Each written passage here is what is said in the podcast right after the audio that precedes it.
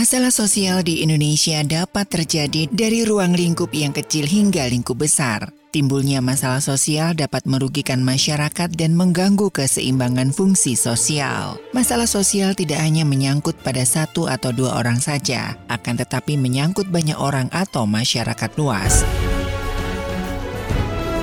Simak perbincangan seputar isu-isu sosial dalam program Pelangi Kasih hari Selasa pukul 11 hanya di 92,5 Maestro FM. 92,5 Maestro FM House with the Sound. Shalom dan apa kabar Sobat Maestro? Bersama lagi di program Pelangi Kasih Hari ini Selasa 7 Maret 2023 Dan kali ini di program Pelangi Kasih akan membahas isu-isu sosial yang ada di sekitar kita. Bagi Sobat Maestro yang mungkin ada pertanyaan atau tema-tema yang ingin kami bahas di program Pelangi Kasih Khususnya isu-isu di sekitar kita Langsung bisa SMS atau WhatsApp di 081 321 Anda juga bisa mendengarkan Radio Maestro di mana pun dan kapan pun. Anda bisa mendownload aplikasinya via App Store Maestro Radio Bandung. Tinggal download dan Anda bisa mendengarkan Radio Maestro di mana pun dan kapan pun. Dan juga siaran-siaran yang sudah disiarkan di Radio Maestro. Sobat Maestro, akhir-akhir ini kita digemparkan dengan maraknya aksi-aksi kekerasan dari remaja dan ada yang mengatakan bahwa ini merupakan sikap dari antisosial disorder. Nah, seperti apa sebetulnya sikap antisosial ini? Apakah sikap antisosial pada remaja ini sama dengan introvert atau pemalu? Simak penjelasannya tetap di Pelangi Kasih.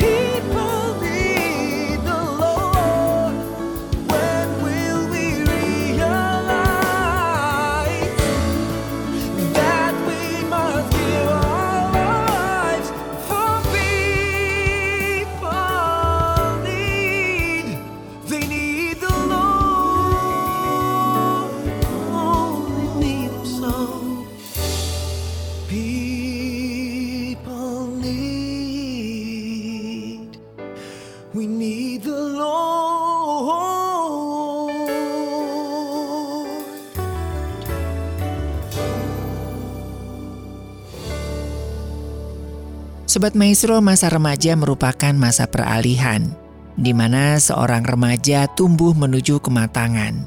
Kematangan yang dimaksud merupakan kematangan dari segi emosi, cara berpikir, dan bertingkah laku bagi remaja tersebut memasuki lingkungan masyarakat yang sesungguhnya. Namun globalisasi telah banyak mempengaruhi remaja yang pada dasarnya dituntut untuk menjalankan tugas-tugas remaja yang harus dijalani. Remaja saat ini merupakan generasi milenial yang sudah dikelilingi dengan kemajuan-kemajuan teknologi sejak kecil. Banyak dari remaja sekarang yang mempunyai sikap asosial di mana mereka kurang termotivasi untuk terlibat interaksi dengan individu atau kelompok individu lainnya. Selain itu, kurang memiliki kepekaan sosial, tidak sedikit dari mereka yang bertingkah laku sesuai dengan kehendaknya dengan mementingkan diri sendiri, dan terkadang hal tersebut dapat menimbulkan permasalahan pada remaja.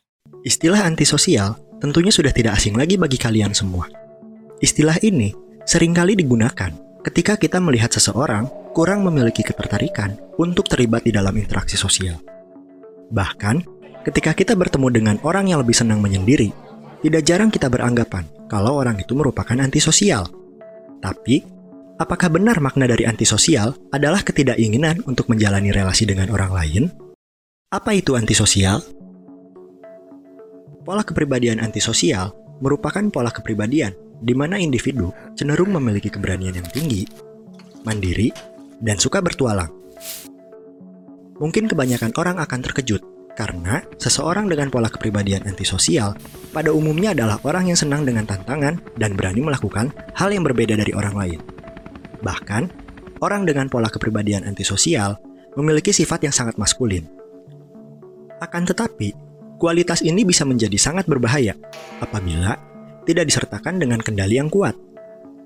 Seseorang dengan kepribadian ini juga memiliki empati yang lemah, sehingga seseorang dengan kepribadian antisosial memiliki potensi untuk melanggar hak orang lain, bahkan sampai melanggar norma dan hukum. Apa yang menyebabkan seseorang menjadi antisosial?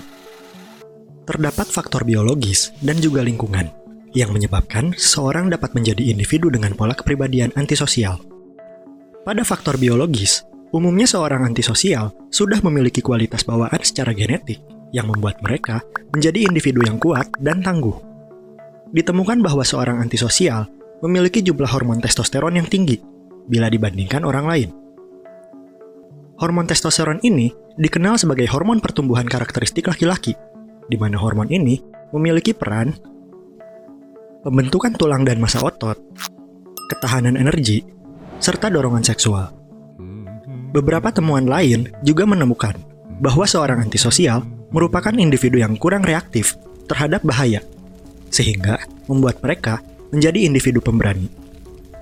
Di sisi lain, pada faktor lingkungan, seorang antisosial umumnya berkembang dari lingkungan keluarga dengan pola asuh pembiaran, di mana orang tua cenderung membebaskan anak dan kurang memberikan pemahaman terhadap norma dan juga aturan. Hal ini menyebabkan pemahaman norma dan aturan pada anak menjadi tidak berkembang. Sehingga, ketika memasuki lingkungan yang dipenuhi dengan aturan serta norma, akan tumbuh konflik pada anak tersebut. Pada akhirnya, anak tersebut memilih untuk tidak memasuki lingkungan, dikarenakan dirinya tidak mendapatkan kepuasan dalam lingkungannya. Selain itu, pola asuh orang tua yang cenderung memberikan kekerasan fisik kepada anak juga menjadi faktor pembentukan kepribadian ini. Anak yang sering kali menerima kekerasan fisik dari orang tuanya akan menimbulkan penghayatan bahwa lingkungan merupakan suatu ancaman bagi dirinya. Sehingga, dengan adanya penghayatan seperti ini, anak menjadi berani untuk melakukan kekerasan atau mengeksploitasi orang lain. Hal ini disebabkan karena orang ini memiliki pemikiran bahwa lingkungan dapat memperlakukan dirinya dengan buruk, sehingga orang ini memilih untuk melakukan kekerasan terlebih dahulu sebelum orang lain yang berlaku kasar kepada dirinya. Normal versus abnormal. Tentunya setiap kepribadian memiliki kelebihan dan kekurangannya masing-masing. Namun, perlu dicatat bahwa setiap kepribadian bisa menjadi gangguan apabila perilaku yang dimunculkan sudah bersifat maladaptif. Pada individu dengan pola kepribadian antisosial yang normal, mereka akan menjadi individu dengan karakteristik berani, mandiri, dan suka bertualang. Sedangkan individu dengan pola kepribadian antisosial yang abnormal, mereka bisa mengalami depresi, gangguan kecemasan, dan juga penyalahgunaan obat. Bahkan antisosial bisa menjadi seorang psikopat. Sobat Maestro, remaja merupakan masa di mana seorang anak mengalami perubahan-perubahan. Bukan hanya fisik, tetapi perubahan secara psikologis remaja pun ikut berubah. Perubahan ini menjadikan remaja tumbuh menuju kematangan. Nah, kematangan yang saya maksudkan di sini adalah kematangan dari segi emosi, cara berpikir, dan juga bertingkah laku. Pada masa ini, remaja menjadi labil dan mudah terpengaruhi Hal ini tentu akan berdampak pada sikap, karakter, dan juga perilaku. Dewasa ini semakin banyak remaja yang memiliki sikap asosial atau antisosial yang menjadikan remaja kurang termotivasi untuk melakukan interaksi sosial karena mereka cenderung bersikap dan berperilaku semaunya dengan mementingkan diri sendiri karena kurang peka terhadap sekitarnya. Sehingga tidak heran banyak dari remaja sekarang yang merasa bahwa apa yang mereka lakukan adalah benar. Ditambah dengan berbagai kemajuan teknologi di sekelilingnya yang menjadikan mereka sudah tidak asing dengan berbagai macam teknologi canggih seperti televisi berwarna, internet, gadget, dan hasil dari kemajuan teknologi lainnya. Hal tersebut terjadi karena mereka kurang bijak memfilter terhadap apa yang mereka temui dalam kehidupan sosialnya, serta kurangnya pengawasan dari orang tua, membuat anak menafsirkan sesuatu dengan pendapat mereka sendiri.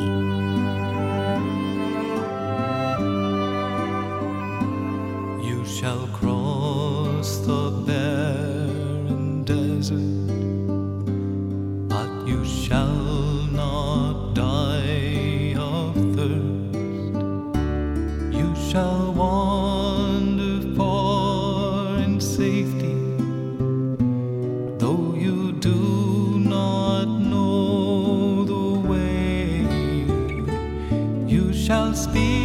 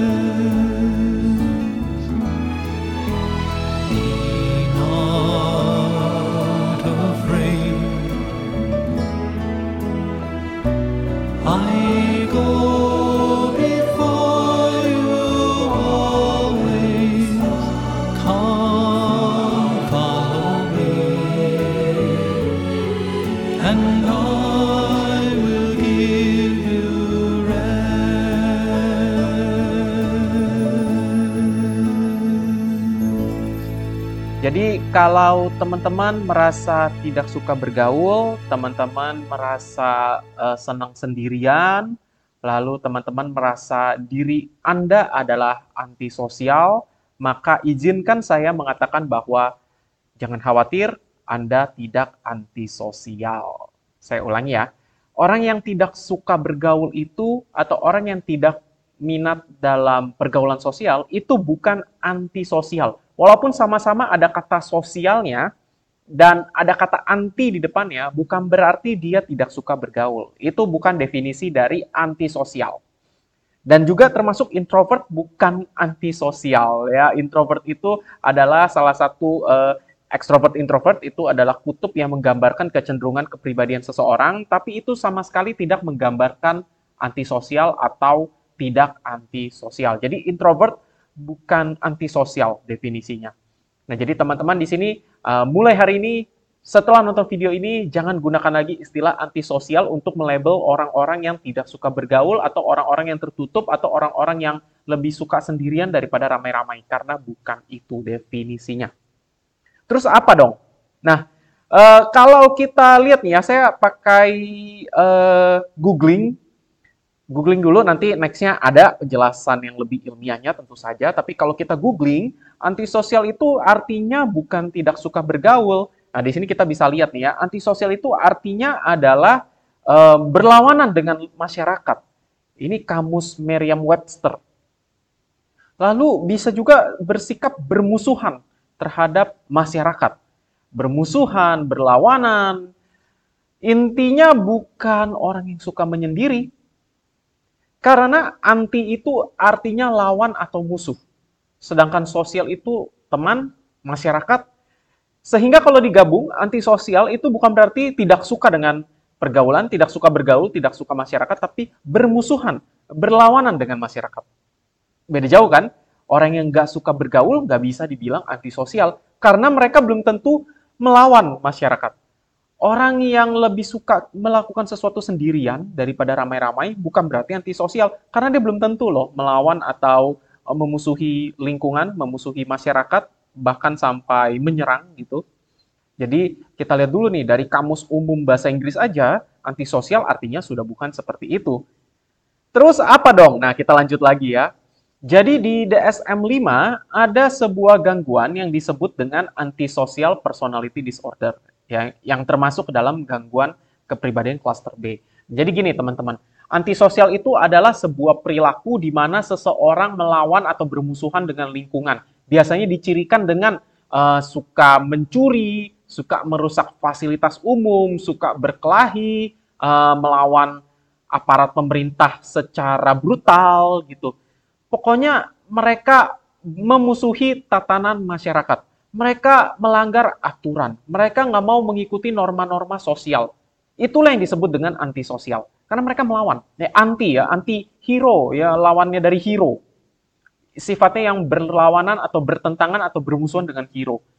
Bukannya dia bukan hero gitu. Wah ini jadi ke mana-mana ya. Tapi intinya antisosial seperti itu.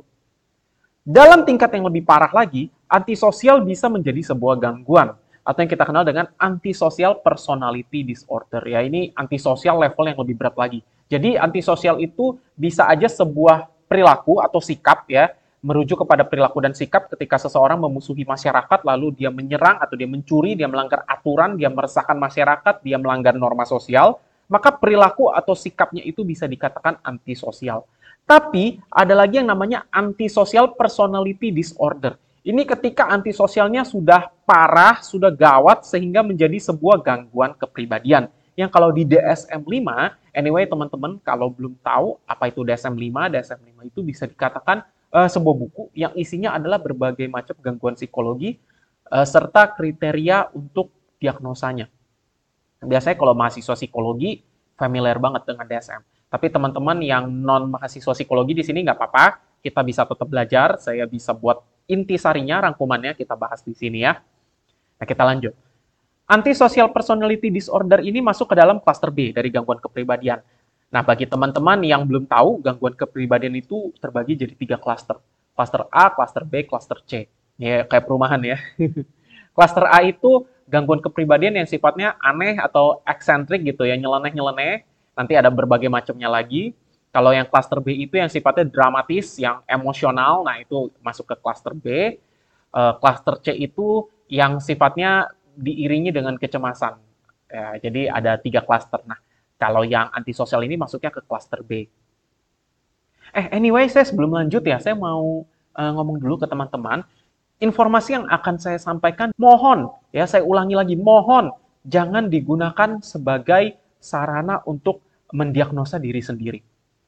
Jangan ya, dan tolong jangan disalahgunakan ya. Jangan gunakan ini untuk nge-label diri sendiri atau nge-label orang lain.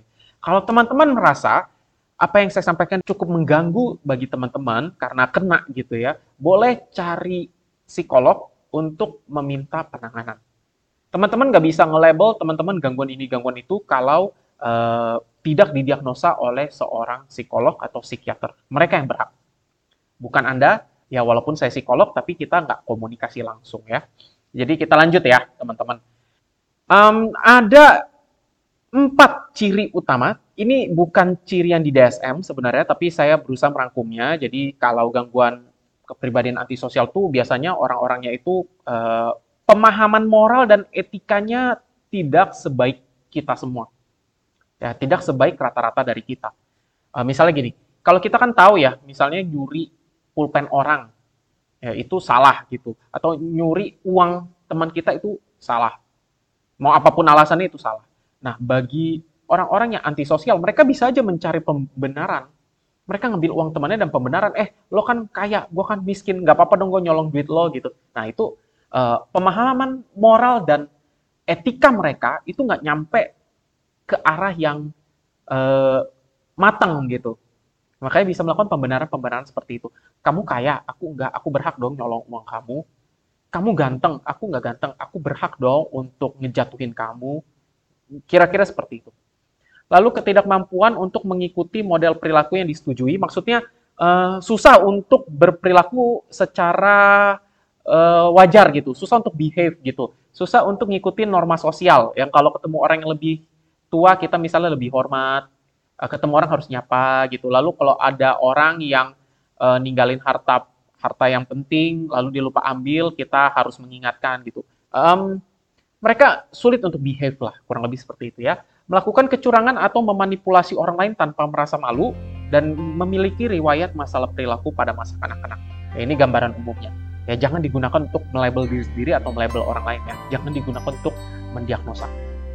Ini pengetahuan aja. Just what is it in me?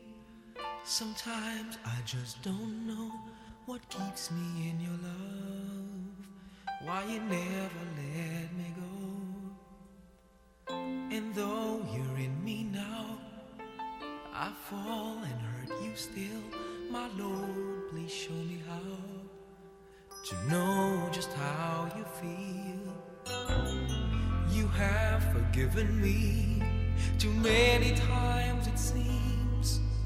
I feel I'm not what you might call a worthy Christian after all.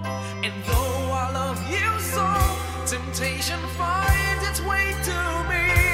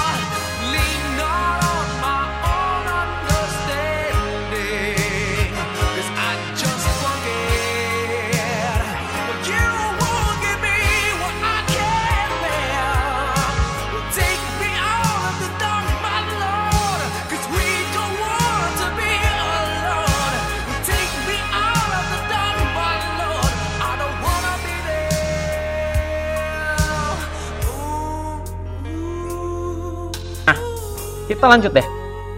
Ini kan ciri umumnya. Kalau di DSM 5 kriterianya gimana sih? Nah, kalau di eh, DSM itu panjang ya, tapi ini ini juga saya rangkum sih sebenarnya ya, Eh, bukan ambil dari DSM 5 plek gitu, saya rangkum sehingga eh, teman-teman bisa dapat gambaran.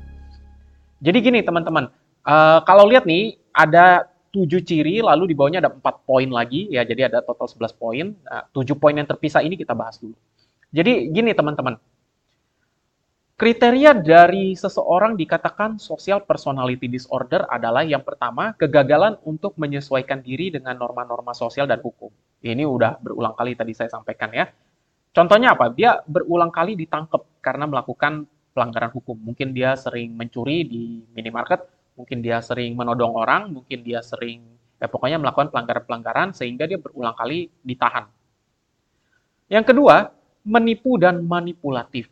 Ya, misalnya berulang kali menipu orang, membohongi orang demi keuntungan pribadi atau demi kesenangan pribadi. Nah, mohon dibedakan, mungkin ada orang yang bohong gitu untuk eh, menghindari tanggung jawab. Ya, dalam artian gini, misalnya dia lupa untuk mengumpulkan tugas, lalu dia berbohong semalam harus ngerawat adiknya yang sakit gitu. Enggak cuma karena itu dia bisa dibilang antisosial ya gitu. ya enggak seperti itu konsepnya. Tapi eh, kalau dalam konsep ini adalah antisosial itu lebih berupaya, eh, berupaya dia menipu berulang kali, memanipulasi orang berulang kali demi kesenangan atau keuntungan pribadi saja. Lalu impulsif atau ketidakmampuan untuk merencanakan masa depan. Ya, jadi eh, orang-orang yang antisocial personality disorder ini juga biasanya kurang untuk berpikir jangka panjang. That's why mereka juga akhirnya melakukan pelanggaran aturan terus-menerus karena mereka nggak memahami konsekuensi jangka panjangnya.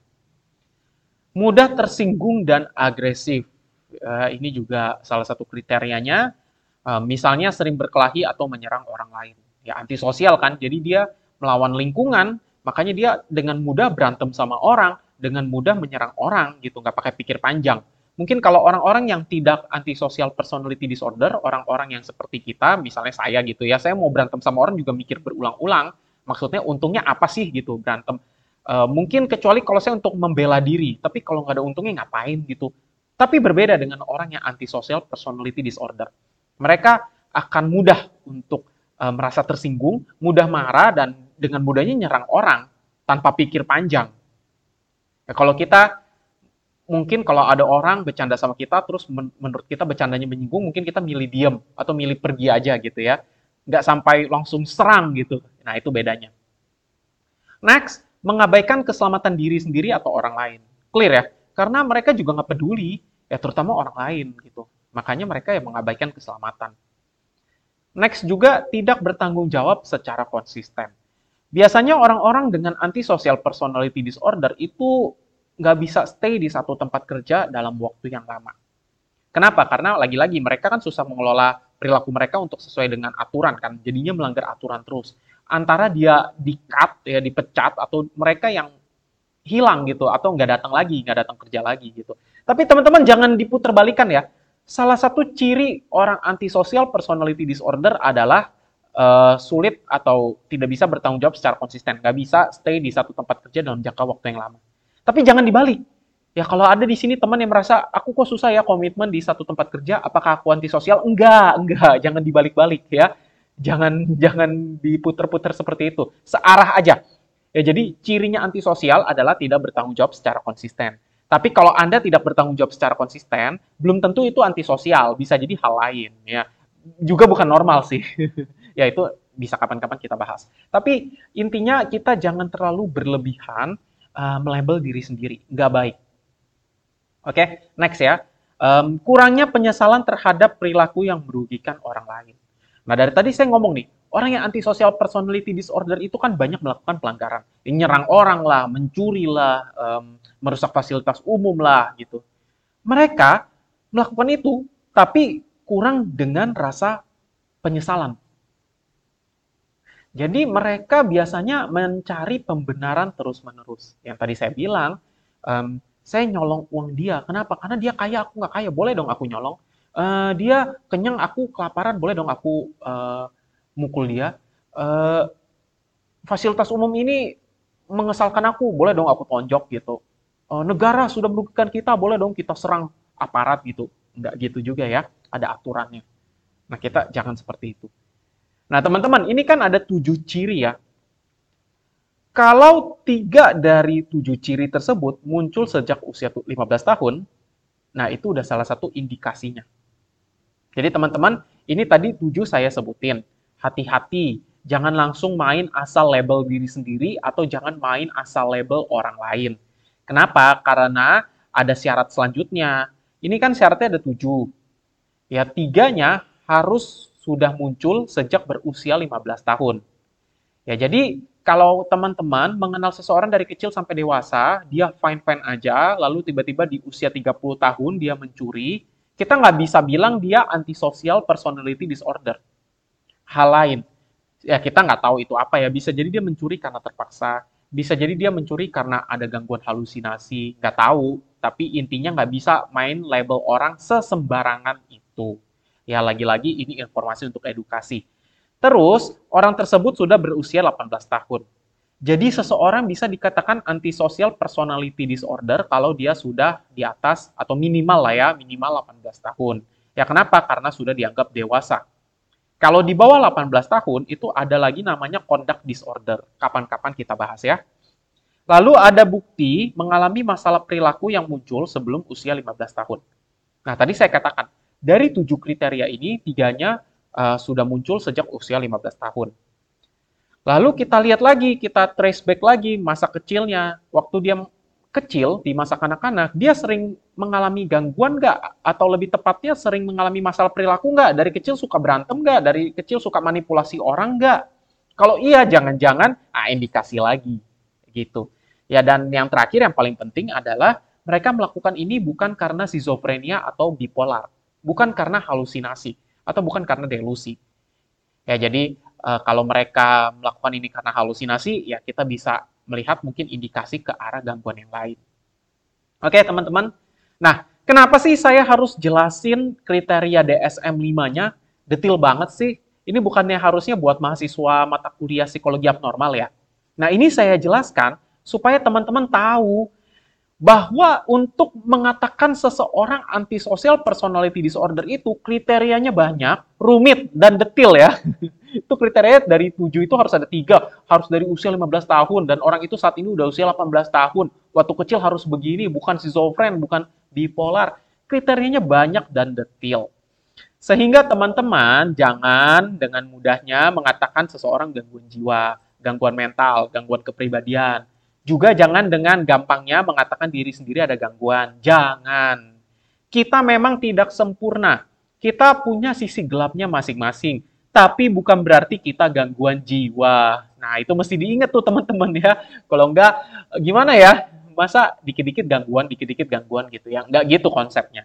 Oke? Dan teman-teman, lagi-lagi seseorang bisa dikatakan mengalami antisocial personality disorder ketika diagnosanya ditegakkan oleh seorang profesional, psikolog klinis atau psikiater. Ya, jangan gunakan informasi ini sembarangan. Oke? Kita lanjut. Nah, teman-teman, sejauh ini kita sudah tahu antisosial itu bukan yang selama ini kita gunakan loh dalam kehidupan sehari-hari. Ternyata orang yang pemalu, orang yang nggak suka bergaul, orang yang uh, lebih memilih sendirian, itu bukan antisosial, Jauh banget definisinya ya dari definisi antisosial. Kalau gitu, orang yang menarik diri, orang yang pemalu itu kita sebutnya apa sih? Kalau saya sih sebenarnya kita nggak perlu label-labelin gituan deh. Ya bilang aja dia orangnya nggak suka bergaul, bilang aja dia orangnya suka menyendiri. Nggak usah di-labelin A, B, C. Tapi kalau ingin tahu dalam psikologi ada istilah yang namanya asociality atau asosial. Bukan antisosial tapi asosial. Ya, jadi definisinya adalah kurangnya motivasi untuk terlibat dalam interaksi sosial atau lebih memilih untuk menyendiri. Ya, jadi ya kita nggak usah ribet-ribet label orang asos ya atau asosial sebenarnya langsung aja ngomong dia uh, lebih milih untuk menyendiri dia memang nggak gitu suka ketemu banyak orang cuma kadang-kadang istilah-istilah ini dibutuhkan biar simple dalam uh, membahas konsep-konsep psikologi. Maksudnya gini, kalau dalam penelitian psikologi, dalam uh, melakukan penegakan diagnosa biar lebih mudah, memang perlu pakai jargon-jargon seperti itu. Tapi kalau untuk kehidupan sehari-hari nggak usah deh, nggak usah label-label orang deh. Kalau memang dia lebih suka sendirian, ya udah kita bilang aja dia suka sendirian, nggak usah di label asos, ansos, uh, dependent lah, apalah, nggak usah. Oke, okay? Kita lanjut lagi teman-teman. Asociality ini kan kurangnya motivasi untuk terlibat dalam interaksi sosial. Nah ini belum tentu gangguan loh. Belum tentu gangguan. Iya bisa aja asosial ini indikasi ke salah satu gangguan, misalnya avoidant personality disorder mungkin, tapi nggak selalu. Ya, jangan dengan mudahnya mengatakan gangguan. Nah, lagi-lagi balik ke sana sih. Jangan dengan mudahnya mengatakan orang lain gangguan, jangan dengan mudahnya mengatakan diri sendiri gangguan hanya karena ada satu ciri yang mungkin bagi kita kurang menyenangkan. Ya manusia memang gak sempurna gitu. Kalau dikit-dikit gangguan, dikit-dikit gangguan ribet. ya jadi ini belum tentu gangguan juga. Jadi teman-teman yang lebih suka menyendiri ya daripada ketemu orang belum tentu gangguan loh. Kita bisa mengatakan seseorang gangguan ketika memang keberfungsian sehari-harinya terganggu.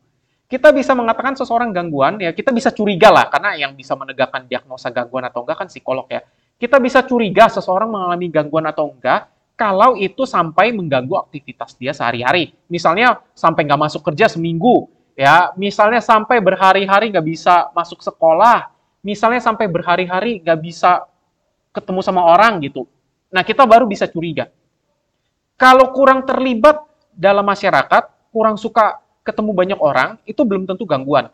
Tapi kalau dia kurang suka ketemu orang sampai bisa dua bulan gak keluar rumah sama sekali, dia di rumah aja terus apa-apa belinya online biar gak usah ketemu orang, pokoknya dua bulan gak keluar sama sekali, gak nyapa siapa-siapa gitu. Nah itu boleh indikasi, indikasi ya, belum pasti. Kenapa? Yang bisa memastikan menegakkan diagnosa adalah psikolog atau psikiater. Ya, jadi mindsetnya ini dibentuk teman-teman. Ya jangan dikit-dikit gangguan, jangan dikit-dikit gangguan.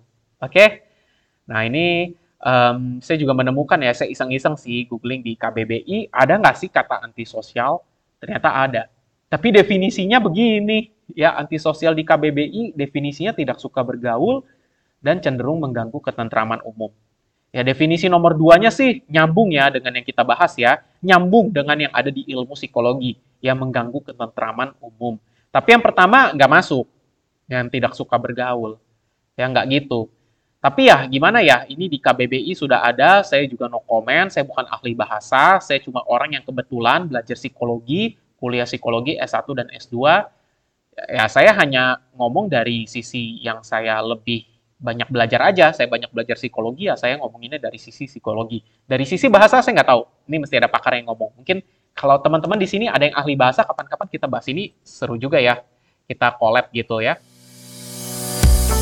Nah Sobat Maestro tidak jarang kita menemukan remaja yang bertingkah laku atau berperilaku kurang sesuai dengan nilai-nilai dan norma-norma yang berlaku pada kehidupan bermasyarakat. Karena pada nyatanya dengan kemajuan teknologi yang terjadi menciptakan kehidupan manusia ke dalam dua dimensi yang berbeda yang tidak hanya dilakukan di dunia nyata terhadap berbagai segi kehidupan seperti interaksi, komunikasi, relasi, sosialisasi dan sebagainya. Hal ini sangat disayangkan apabila mengingat merekalah yang disiapkan untuk menjadi generasi emas dalam meningkatkan kualitas sumber daya manusia bagi Indonesia. Remaja saat ini haruslah memiliki karakter dan moral yang baik, berlandaskan sikap dan pola pikir yang baik pula. Penanaman karakter sendiri dibentuk ketika individu sedang dalam masa-masa pertumbuhan dan perkembangan. Dalam proses ini, pengembangan dan pembentukan diri berlangsung secara terus-menerus. Dengan fakta-fakta yang terjadi saat ini, menimbulkan kecemasan-kecemasan sosial terhadap generasi penerus bangsa selanjutnya. Sobat Maestro, saat ini banyak remaja milenial yang kurang mengembangkan kemampuan berinteraksi dikarenakan mereka lebih mengandalkan berbagai macam hasil dari kemajuan teknologi dalam kegiatan berinteraksi dengan individu atau kelompok lainnya. Sikap antisosial ini yang menjadikan mereka kurang mempunyai motivasi untuk bersosialisasi dengan sekitarnya dan mereka masih mementingkan dirinya sendiri dengan merasa bahwa dirinya yang selalu benar. Hal ini menjadikan remaja kurang memelihara tingkah laku mereka dalam menjalankan kehidupan sosialnya di mana terdapat nilai dan norma sosial yang seharusnya menjadi acuan mereka dalam bertingkah laku. Semoga informasi yang sudah kami hadirkan bisa memberikan satu informasi yang penting bagi orang tua untuk benar-benar memperhatikan tumbuh kembang putra-putri kita. Dari Gedang Maestro Jalan Kaca Piring 12 Bandung, saya Ari mengundurkan diri dari program Pelangi Kasih. Tetap jaga protokol kesehatan, tetap semangat dan Tuhan memberkati. Wanita yang kuat dan mandiri adalah wanita yang mampu membahagiakan diri sendiri. Mereka memiliki kepercayaan diri, mampu menjalin hubungan yang sehat, mampu mengekspresikan diri apa adanya, sehingga menjadi wanita yang kuat dan mandiri dengan menjadi diri sendiri dan menjalani keseharian sesuai tujuan hidup. Simak perbincangan seputar dunia wanita dalam Pelangi Kasih hari Rabu pukul 11 waktu Indonesia Barat hanya di 92,5 Maestro FM.